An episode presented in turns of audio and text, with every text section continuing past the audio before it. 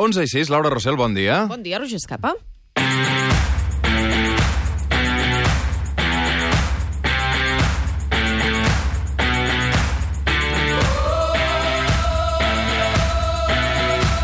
Com anem, Laura?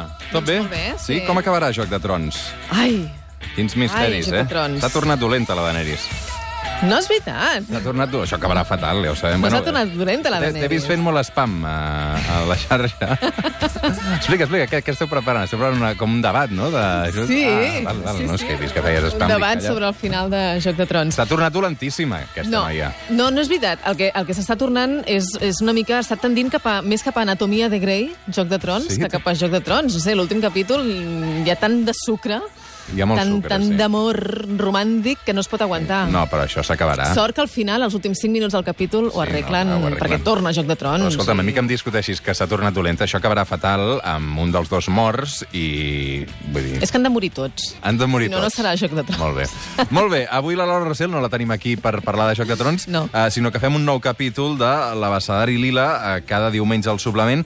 Avui toca la lletra F, i a la F, què hi tenim, Laura? Doncs eh, el pal de paller d'aquest abecedari, el concepte de feminisme, recordarem què vol dir perquè és gratis, en principi, fer-ho. Feminisme és el moviment polític i cultural que busca la igualtat de drets i de llibertats entre homes i dones. Eh, El feminisme el que fa és qüestionar-ho tot, per tant, sovint és impertinent, també és incòmode, i en aquest afany per qüestionar-ho tot, el feminisme provoca, per exemple, desconfiança, provoca por, provoca incomoditat en alguns homes. Hi ha una reacció antifeminista que neix sobretot des de posicionaments ideològics de dretes i que es dedica a criticar, a menystenir tot allò que té a veure amb la lluita feminista i un exemple d'aquests atacs és el terme feminazi. sin deber y sin temer, tan solo por ser mujer valiente y poco frágil, un incógnito virtual. Feminazi, que Laura seria d'alguna manera la versió light de feminisme radical, no? Correcte, sí, sí. És un terme que la dreta i l'ultradreta s'han tret de la màniga per desprestigiar el feminisme.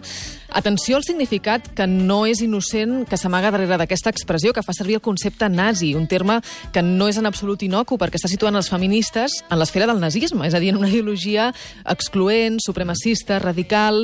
Um, en, és un intent uh, claríssim de desprestigiar un moviment que reivindica drets i llibertats. De fet, en el seu origen, quan es va començar a fer servir aquesta expressió, uh, s'equiparava l'avortament amb l'Holocaust un Així paral·lelisme Sí, sí. uh, perillós i, i absolutament fora de lloc. En general, avui, quan es parla de feminazis, el que s'intenta és desacreditar el feminisme, situar-lo al mateix nivell del masclisme.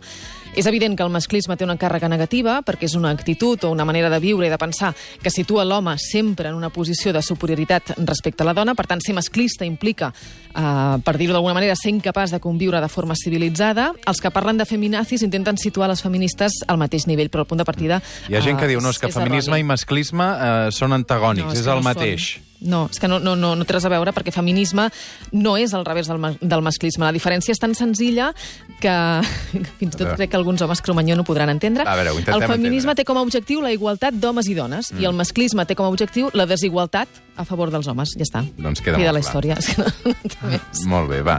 Um, Laura, avui reivindiquem una... És que avui la història d'avui és fascinant, Sí, perquè sí. jo estava ahir a casa al vespre llegint el guió i vaig haver de decidir de dir, uau, o sigui, deixarem, tindrem, n'estarem estona demà, veig, perquè és, és extraordinari, És no, boníssima, és boníssima. És una dona que té una vida de pel·lícula, uh, una dona que encara és viva, ara l'escoltarem. Avui a la lletra F de l'abecedari lila, la noia de la Pirelli. You can't go to the beach, not in the photo. You can't open the window, there's no air outside the bungalow. Diu la Laura Rossell avui, la noia de la Pirelli, que és Roser Ferran i Gallet. Barcelona 1915, però és que ens ha dit encara és viva i hem parlat. Sí, té 103 anys, 103 anys, eh? farà el 104 a l'octubre i està fresca. Però una cosa increïble, ara, ara l'escoltarem. Eh, La seva és una d'aquelles biografies que quan, si la veiem al cinema o en una sèrie o la llegim en una novel·la diem, vaja, aquest escriptor, aquest guionista s'ha passat tres pobles perquè no pot ser que li passin tantes coses a aquesta dona. Doncs sí, li passen, li han passat. La Roser, eh, farem una breu introducció, és, eh, era filla única, els seus pares, el Joan i la Remei, tenen una història que també és digna de protagonitzar alguna comèdia d'època. El pare va viure una bona temporada de jove a l'Argentina i es va casar amb la Remei a distància, un casament per poders. Eh, el nuvi estava representat a l'altar per, per un tiet, Després d'intentar fer fortuna a l'Argentina, van tornar a Barcelona, pràcticament arruïnats i amb la Roser a punt de néixer. El pare és una figura controvertida i excèntrica. Eh? El pare de la Roser, sense ofici ni benefici, vivia gràcies a les rendes que li enviava un cosí des de l'Argentina. Va intentar un munt de negocis, tots van ser un desastre. El van estafar més d'una vegada, es va arruïnar. A més, tenia una salut mental delicada, amb atacs d'esquizofrènia i algunes fases de, de depressió. Quan la Roser era petita, el pare es va obsessionar amb la idea de ser tenor. Volia ser tenor, li molava el tema de Volia l'òpera. dedicar-se a l'òpera i tota la família va marxar a viure a Itàlia, a Milà. Per, per, per satisfer el desig del pare. Ell ho va intentar, ell, ell això sí que ho tenia, era persistent, i aquella etapa va deixar una marca molt profunda en la Roser. Imagineu-vos les aventures que pot tenir una nena de 7-8 anys a la Itàlia de Mussolini, i a més s'instal·len a viure a casa d'una baronesa a Vinguda Menys. El pare s'enduia la filla a totes les òperes que s'estrenaven en aquella època, de fet va conèixer en persona a alguns tenors i directors històrics. Val a dir que la carrera del pare de la Roser va ser un absolut fracàs, no se'n van sortir amb això de fer de tenor, van acabar tornant 4 anys després cap a Barcelona, sense ni un disc ni un duro a la butxaca. La Roser tenia 12 anys quan van tornar i ella sí que se'n van dur algunes coses importants d'Itàlia. D'entrada, un coneixement musical i literari excepcionals, se sabia de memòria òperes, autors, fins i tot algun, la lletra d'algunes àrees. S'hi havia aficionat a llegir també com una boja, devorava clàssics de la literatura, ho llegia tot, absolutament tot, i quan va tornar a Barcelona va poder mantenir aquest ritme perquè la van matricular a l'escola italiana i, i ella seguia llegint, anant a l'òpera i participant de la vida cultural i intel·lectual de l'època. També va tornar enamorada. Sí, aquest, aquí entrem ja a dibuixar més... eh, Terreny el, pantanós. El, el perfil contradictori de la Roser, perquè va tornar enamorada de Mussolini. Un enamorament que uns anys després s'acabaria esfumant. Vaja. Tot això ho expliquen en Plàcid García Planes i la Gemma Saura, dos periodistes de La Vanguardia, en un llibre editat per columna que es diu La noia de la Pirelli, que és una autèntica meravella. Gemma Saura, bon dia. Hola, bon dia. I benvinguda al suplement. Uh, moltes gràcies per acompanyar-nos, perquè aquesta història que avui porta la Laura uh, és fascinant. Avui vens acompanyada també d'aquest llibre que fas amb el Plàcid García Planes, companys de La Vanguardia, la noia de la Pirelli. Laura, dispara. El llibre, sí, com deies, és una delícia. Està farcit d'anècdotes, de frases literals de la Roser, una dona que té un gran sentit de l'humor, molt divertida, molt alegre, molt optimista. Com dèiem, ara viu a, a Madrid, farà 104 anys a l'octubre. Uh, figures importants en la història de, de la Roser. Doncs el pare, un home, com dèiem, inestable emocionalment, també econòmicament, que la va anul·lar com a persona, l'asfixiava totalment, controlava cada, cada pas que feia, un autoritari, un masclista. La Roser això ho té assumidíssim i en parla així. A veure, això és una conversa que heu tingut aquesta setmana amb ella, no? I aquí hem tret alguns fragments. Una conversa quanta llarga, estona, eh? Quanta estona vas estar parlant amb ella? Està una hora parlant. Una hora. Sí. Una hora aquí, els, els, els highlights, eh? El millor del millor. No, amb el meu pare jo era una escena perquè hagués fet a trossos. Ell li tenia molta por. Era molt intel·ligent, eh? però era del siglo XIX. Eh? El, el, el machista, vamos, 100%, perquè jo no era res de res, però no tenia censura la lectura. I em vaig de- dedicar des de petita a llegir muntanyes de llibres. S'entén, eh? Diu, era, era un masclista 100%. Li tenia molta por. Li tenia molta por, però no tenia censura, no la censurava en absolut a l'hora de llegir. Mm. Per tant, la Roser, tot i viure sota aquest ambient d'asfíxia per part del pare, va anar poder mm, fent la seva una mica, perquè ella té una ànima rebel, que això ningú la podia aturar, i quan li demanem a la Roser què era ser dona en la seva època, ens contesta això. La mujer no era nadie, eh, la encargada de limpiar la casa i de guisar. Inclús per als meus fills, per transportar-los d'un puesto a l'altre, tenia necessitat d'un permís marital. Brutal, eh, aquest testimoni. La Roser és una dona eh, forta, una dona independent, una dona valenta, però tot i així eh, dominada per dos homes, oi, Gemma? Primer el Sí. seu pare, després més endavant ja ho explicarem, marit. el seu marit. Però la figura del seu pare és mm, Sí, fins i tot... bestial. Jo tinc la sensació que fins i tot la va castrar, si és una paraula forta, eh, emocionalment, sexualment, eh, no li va permetre tenir cap relació amb cap, amb cap noi ni, ni acostar-s'hi, i sempre era com una... Sí, l'asfixiava, estava sempre damunt seu. Al mateix temps, clar, li va obrir un món intel·lectual i la Roser és qui és i gràcies al seu pare també. Eh, li va donar una educació mm, d'elit. Ella diu que se sentia anímicament torturada per ell. Això ho diu en el llibre. Sí, sí, sí. Ella constantment parla del seu pare i no, no molt bé.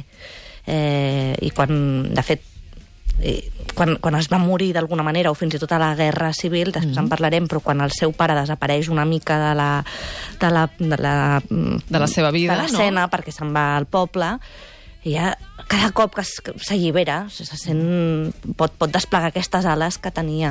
Això sí, el, eh, com dèiem, el, el pare sí que li dona total llibertat pel que fa al, al, a la cultura, a la Sí. intel·lectualitat, no? Ella pot llegir el que vulgui, pot estudiar, menys eh, autors alemanys, oi? Sí. Els alemanys no, no li deixa estudiar. Però bé, idiomes, música, art... Per tant, la Roser és una dona molt culta. Ella volia estudiar, va intentar estudiar química, va intentar estudiar dret, no se'n van sortir. Finalment es va, es va matricular a l'Escola de, i- Industrial de Terrassa. Sí, no se'n va sortir per la guerra, eh? Per la guerra, sí, sí, per, per diferents motius, no, no, no per capacitats, Sí. sí. del contrari. Eh? Uh, al llarg de la seva vida, a la Roser li passa de tot. De fet, és que li passa el segle XX sencer. Mm. Ella va fent i sense saber com van encadenant uh, casualitats.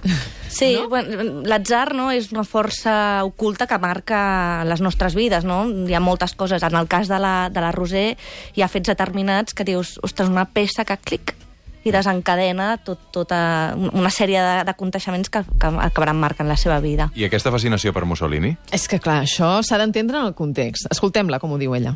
Escolti, a Barcelona hi va haver un bombardeig de mil dimonis. Jo em sentia traicionada perquè estimava molt en Mussolini jo. Mai més m'he deixat engatossar en cap polític de cap cosa. Mai més m'he deixat engatossar per cap polític ni per cap cosa. Ella va, ser víctima de la propaganda mussoliniana, que, era, que, que a més era molt bona amb els nens, i ella descriu que els regalaven plantes, que els portaven de passeig a les Dolomites, és a dir, ella es va enamorar però perquè era víctima d'un- d'un d'un mecanisme de propaganda que el que buscava era seduir els nens. Com la trobeu vosaltres, a la noia de la Pirelli? Uf, la història és molt divertida. El Plàcid eh, la va localitzar a través d'un detectiu privat. El Plàcid estava fent un llibre del César González Ruano, eh, un periodista madrileny molt fosc, eh, i va saber de, que hi havia una vídua d'un amic del Ruano que encara era viva, però no sabia qui era, i va contractar un, un detectiu privat i va arribar a la Roser. La Roser li va explicar tot el que sabia el César González Ruano, però el que no sabia el Plàcid és que la Roser també tenia una història pròpia, a la qual ella, per cert, no li donava molt, molt valor. Ella encara avui en dia no entén tot aquest interès i que haguem fet un llibre sobre ella perquè pensa que és una història, doncs, una, una història més. Laura, tot això de la noia de la Pirelli eh, ve perquè ella va acabar dirigint o sent l'encarregada d'una fàbrica amb, amb milers de treballadors al seu 3.000, càrrec, no? 3.000 treballadors. Explica aquesta part de la història perquè... Sí, és, és molt interessant, amb això la, la Gemma ens, ens ajudarà. Uh, una de les jugades que li va fer l'atzar va ser situar-la al capdavant de les cinc fàbriques que la Pirelli tenia a Catalunya. La Roser tenia només 22 anys, fins aleshores treballava com a secretària a la Pirelli. Era plena guerra civil, la Pirelli estava col·lectivitzada en mans de la CNT i la FAI, perquè amb l'esclat de la guerra els italians eh, van fugir, i ella, tot i ser noia i, per tant, viure envoltada de les situacions de discriminació i de desigualtat de l'època, doncs es va trobar dirigint aquesta indústria de guerra. La Pirelli fabricava cables elèctrics, pneumàtics per enviar al front. Les dones tot just havien aconseguit el sufragi, te'n recordes que vam parlar fa unes setmanes? Mm. L'any 33 comencen a, a votar i, i es troba, doncs això, una noia de 22 anys responsable d'un gegant com era Indústries Pirelli. I tot va ser fruit, Gemma, eh, d'una casualitat primer, no? d'una notícia més de l'avantguarda, Sí, sí.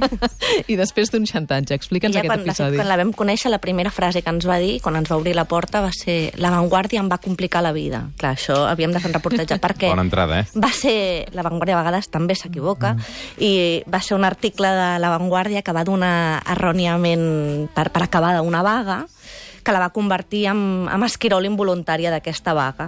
I això, va, això faltaven uns mesos per la, perquè esclatés la Guerra Civil, va provocar que els, els caps italians estiguessin molt contents amb aquesta noieta que havia trencat la vaga i que els havia estalviat tants diners, i quan mesos després esclata la guerra i els anarquistes prenen control, col·lectivitzen aquesta, aquesta empresa, troben una carta dels, dels caps italians lluant aquesta noia italiana i li fan un xantatge a la Roser i diuen mira quina carta hem trobat, oi que no... Si, ui, si això se ho sapiguessin els, els comunistes, el que et passaria.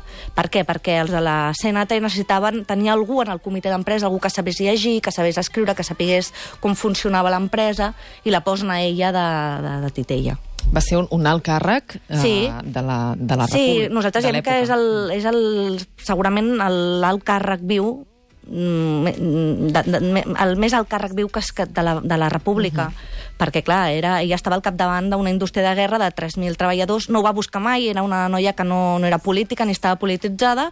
De fet, sempre diem que el subtítol d'aquest aquest llibre es diu La noia de la Pirelli, però es podria dir Història d'una secretària, perquè és una noia que acaba allà, no, no ho sap molt, però... Clar, però fixa't, eh? ella, eh, d'aquella nena italiana enamorada de Mussolini, eh, dirigint una indústria de guerra, treballant Roja. per l'exèrcit roig, no? A més, Sí. una I, i etapa... que, que, sí, clar, quan, quan, quan, els, uh, quan s'acaba la Guerra Civil i... Uh, No, espera't, no corris tant. Ah, val, val, val, no val, corris tant, Val, perquè val, val. aquesta etapa durant la, durant la guerra que ell està dirigint que és el que deia la Gemma abans, no? El seu pare no, no està a Barcelona perquè marxen a Sant Pau de Segúries.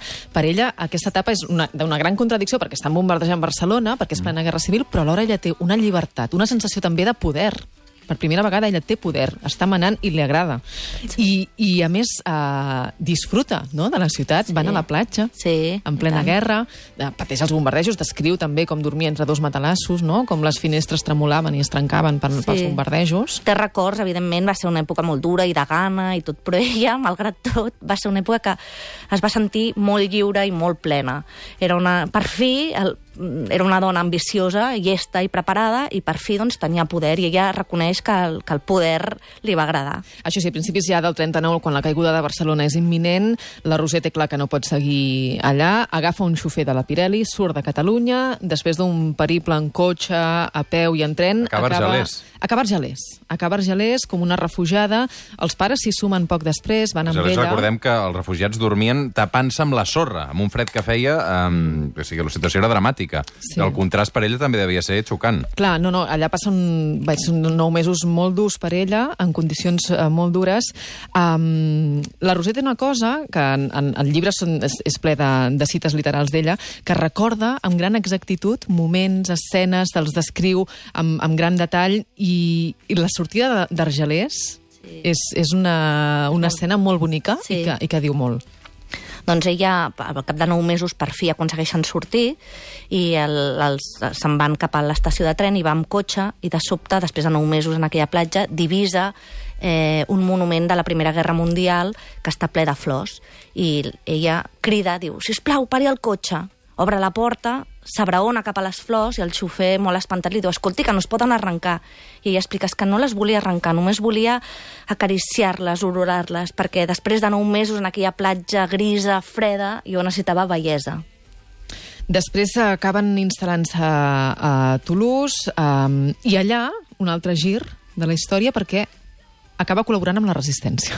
Sí, això va ser un dels descobriments quan vam fer el llibre. O sigui, aquest cas és un, és un cas d'un llibre que la, la, la, la recerca que vam fer de documentacions va anar més enllà de la història, perquè la Roser no era ben bé conscient de fins a quin punt havia col·laborat amb gent important. Ella, quan està allà, eh, treballa per diferents associacions que ajuden als refugiats, que ajuden a jueus. Doncs mirant els noms de la gent que ella recordava haver treballat i dels quals té documents, doncs hi ha doncs, un arquitecte que va, que va treure jueus, dos germanes que van col·laborar amb la resistència, fins i tot la Roser, quan va tornar eh, a, a Barcelona, li van donar una carta eh, aquest, dos germanes que col·laboren amb la resistència perquè llegís el consulat britànic que ella, com que el, el, el pare va muntar en còlera perquè era molt perillós entrar a Espanya amb una, amb una carta secreta, la, la Roser la va memoritzar tota. Uh, la Roser i els seus pares tornen cap a Espanya. Um, Dèieu, dèieu primer, no es va deixar um, casar o enamorar, uh, més enllà d'aquesta metafòrica, amb, amb Mussolini, però finalment um, sí que va tenir una relació, no? bé, es va Més casar. menys. Es va casar. Bé, ella va decidir casar-se. Relació no amorosa, diguem-ho així. Ella, di- ella no es va enamorar mai. I a més, jo a l'entrevista, perquè això ho vaig llegir en el llibre, dic, ostres, no s'ha enamorat mai. Dic, Roser, com és la vida sense enamorar-se mai? Diu, no ho sé perquè no he estat mai enamorada, per tant no sé com, com és la vida. Ella diu, sí. veig, veig que m'he estalviat molt, molt mal, mal de cap, m'ha dit a vegades. Però sí que va ser Clar, mare. ella, ella volia ser mare, volia ser mare, però clar, eh, segons... Ella ens ho explicarà millor, escoltem, expliquem, escoltem com explica. que no m'he enamorat mai. El meu pare no podia ni oi pa parlar d'homes, perquè antes muerta que deshonrada. Però jo dic, mira, jo vull tenir un fill, perquè te faràs en la vida si no tens un fill. I llavors, eh, per tenir un fill, el volia legítim. I llavors vaig mirar al redador un home que ja en tingués fills, perquè de mostra de que de que era, fie, que era fèrtil. I woke up in the morning. És a dir, ella volia assegurar el tanto. Ella volia, volia volia, un, un, volia un home fèrtil i, per tant, va dir, home, em busco un que ja hagi estat pare Clar, abans. pensa que quan, quan tornen a Espanya el seu pare mor de seguida perquè el detenen i passa un mes a, empresonat i allò l'altre es toca i, i acaba morint, per tant es queda sense la figura del pare. Ella té 36 anys i és verge, no ha estat mai amb cap home, no ha tingut mai cap relació, té la necessitat de, de tenir un fill, ella vol ser mare, i, i fa aquest raonament que, que escoltem, i s'acaba triar, acaba triant com a pare dels seus fills un empresari 22 anys més gran que ella, que ja té dos fills, que és vidu, i que, nou gira la història, és un dels impulsors de la Falange. Què dius? Si ja torna a fer el gir una altra vegada? Julián Ruiz Aranda. Que, a, a, aquest és un punt que abans ho dèiem, eh, una mica fos, no? En Fèrtil, fèrtil sí, que- però fatxa també, no? Clar, Vull dir- i, i ha passat de la, de la dominació del pare, que ja no hi és, que ha mort, i, i, pa, i cau a la dominació d'un home, d'un marit que, que també... No, que, que mai li va deixar Li treballar, per exemple, ales. que li, hi ha una, una escena al llibre que ho expliquem, que li, li creu a la cara amb una bufetada quan ella aconsegueix una feina, aconsegueix una feina perquè ell té mil negocis ruïnosos que, que, que la família no tira endavant, i ell aconsegueix una feina i ell li diu que ni parlar-ne. Finalment, quan ella queda del tot alliberada és quan queda vídua. Sí, ella diu, ella diu que ara és la seva època millor de la vida. Diu, estic sorda, no hi veig, però estic molt lliure. A més, pensa que ella viu a la plaça Oriente de Madrid, Sí. sí. per tant té vistes privilegiades i, bueno, no tenim temps, eh, però explica històries de, de Franco, no? de com s'omplia aquella plaça quan Franco feia les seves demostracions de, de poder. Uh, alguna trampa que feia Sí. Franco, també? Els últims anys que picaven la porta a casa seva i li posaven altaveus amb aplaudiments enllaunats. No, Sí, sí. aquesta no la sabia. Aquesta... Um, T'ha convidat al seu aniversari, no, també? La... Clar, jo li vaig demanar, dic, escolta, uh, Roser, com ho farà per celebrar el 104?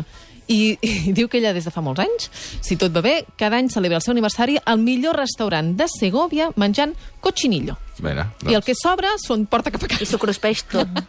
S'ho cruspeix tot. Perdoni, senyoreta, si he sigut amb aquesta tos, aquest que van. La meva sordera li he sigut tan dificultós parlar de quantes tonteries meves. Però eh, estic encantada de, de saber que algú encara es recorda de mi. Una abraçada. És, és que és entranyable. O sigui, així ens acomiadàvem la, la conversa de- d'una hora que vam tenir amb la Roser. Um, Gemma Saura, moltes, moltes gràcies. Uh, la noia de la Pirelli, de la Gemma Saura i el Plàstic García Planes, que avui també ens apropava la Laura Rossell. Um, això que sona? A veure, puja, puja. Standing there, killing time. Can't commit to anything but a crime. Leaders on vacation, an open invitation. És brutal. Billie Eilish. Sí, la coneixies? Sí, ho està patant. Um, va venir fa molt poc a Barcelona i crec que té 17 anys, aquesta noia, no? Sí, crec que és del 2001. Crec que Va. hauria d'estar prohibit posar... parlar de gent del 2001. Puja, a veure, puja, puja, puja.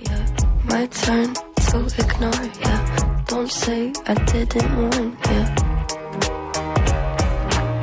Bé, el cas és que, a, a banda que la cançó està molt bé, uh, aquest tema es diu All the Good Girls Go to Hell, i em va molt bé com a banda sonora del llibre que us recomano avui, que te l'he portat, Roger, perquè te'l miris. A veure, va, moltes gràcies. Jocs reunits, feministes. Juegos Reunidos. Feministes de Patricia Escalona, Oh, una de gràcies. les propostes... Però me'l tornes, eh? Sí. Una de les propostes més originals sobre feminisme que trobareu aquesta temporada a les llibreries. El format d'entrada ja és trencador, no?, amb aquesta coberta contra coberta i també les planes interiors de color Són vermell. els quaderns d'estiu de i l'escola? Sí que ho són una mica, perquè el contingut el planteja tot a través de preguntes tipus test, de crucigrames, d'anagrames, de sopes de lletres, fins i tot hi ha un horòscop feminista, i el que fa la Patricia Escalona és anar desgranant qüestions clau del feminisme, però des d'un punt de vista molt desenfadat, molt irònic, eh, despulla les actituds misògines, la discriminació pel fet de ser dona, els titulars masclistes, les relacions sentimentals i sexuals tòxiques, parla dels orgasmes fingits, de l'analfabetisme dels homes en qüestions com ara el sexe oral. Al final hi ha un lametron, Què dius ara? Què és un lametron? un lametron que és un curs accelerat per practicar el cunilingus. Ah, doncs me l'apunto, no? M'hi apunto. Bueno, ja A miraràs amb calma, cara. Del 0 als 99 anys, perquè si a esa aún no eres feminista, muérete ja. Està bé, me'l quedo el llibre, eh? Sí, sí. Això, La Metron m'ha agradat.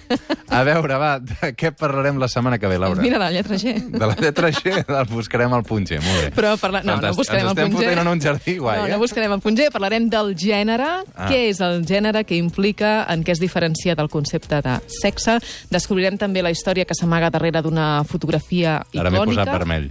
T'has posat vermell? Sí, amb això de la G m'he tensionat una mica, però Vaja, ja està. mira't el llibre, se't passarà. Ja Gràcies, gràcies. Uh, parlarem d'una imatge que segur que reconeixeu. De fet, és la imatge que tenim... Saps el grup de WhatsApp que tenim per Sí. fer això de l'abecedari? Sí, és veritat, sí, és veritat. Una miliciana amb un fusell a l'esquena i el cabell despentinat pel vent, la Marina Ginestà. És Fantàstic. la dona que re reivindicarem la setmana vinent i descobrirem que es pot fer cinema infantil on les noies no siguin princeses ni esperin tot el dia que vinguin prínceps a salvar-les. Laura, moltes, moltes gràcies. A tu. Avui a les 3 de la matinada s'estrena Joc de Trons. El meu pronòstic és que és l'últim capítol on surt Daenerys. Què dius? Jo crec que sí. Jo crec que no arriba al sisè. Ai, ai, ai. Fem una pausa i arriben els dos... Uh, sí, no sé com vaticinar-ho, això. Els dos prínceps del suplement. Roger Mas i David Caradent. Pausa i tornem.